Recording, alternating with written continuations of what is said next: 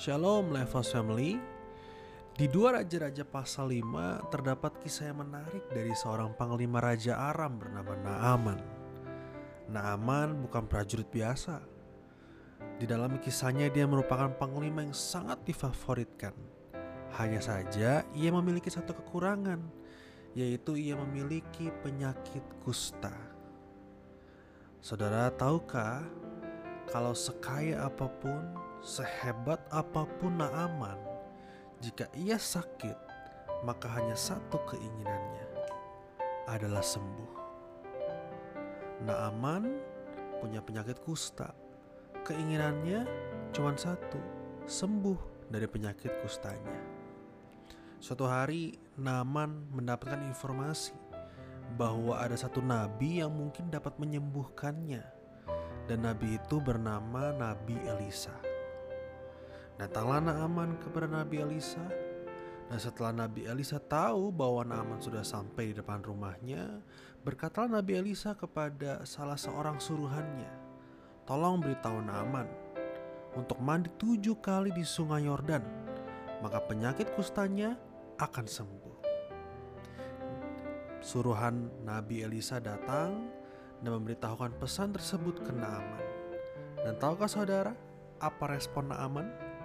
Respon Naaman waktu ia menerima pesan dari Nabi Elisa adalah ia pergi dengan kesal.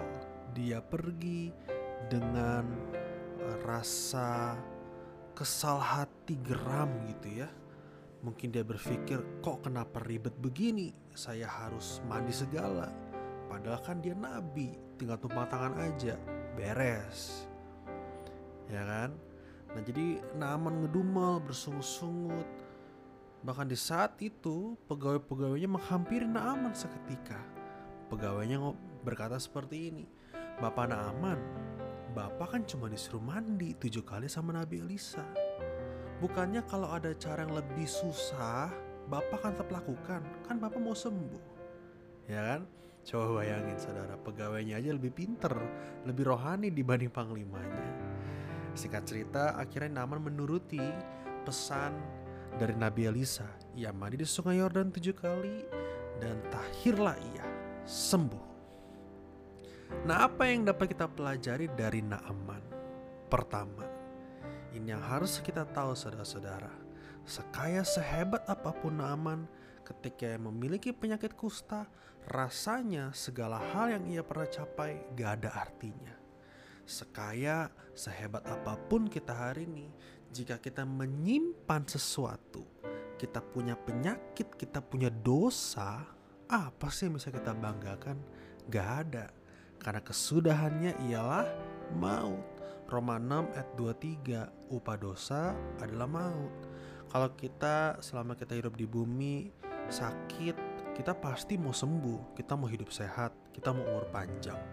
Nah bayangin kalau dalam hati kita kita menyimpan sebuah dalam tanda kutip penyakit yaitu dosa. Kalau penyakit biasa hanya mati di bumi beres. Tapi kalau perkara dosa itu hukumannya kekal. Hadiahnya itu maut.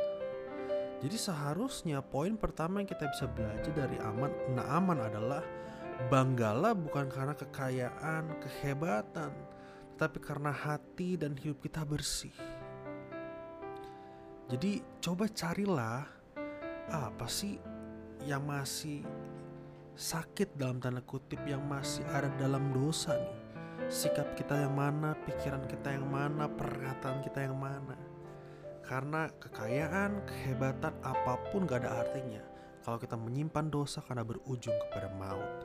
Yang kedua, Naaman mau sembuh. Tetapi waktu dikasih tahu cara sembuhnya, Naaman marah-marah. Sama deh kayak kita. Waktu kita ngomong sama Tuhan, Tuhan aku mau sembuh. Nah, Tuhan kasih tahu nih lewat firmannya, lewat saudara seiman. Coba lihat respon kita. Kadang-kadang mungkin kita merasa, aduh kok ribet banget ya. Aduh kayaknya besok aja deh aku lakuin firmannya. Aduh Tuhan bisa nggak ya? Mending ubah aku aja gitu langsung. Ya kan kita mau sembuh tapi sering kali nggak mau lewatin proses penyembuhannya. Justru saudara harus lewatin proses itu. Dosa kita simpan bertahun-tahun. Kita pendem, kita pakai niat untuk ngelakuin dosa berbulan-bulan bertahun-tahun.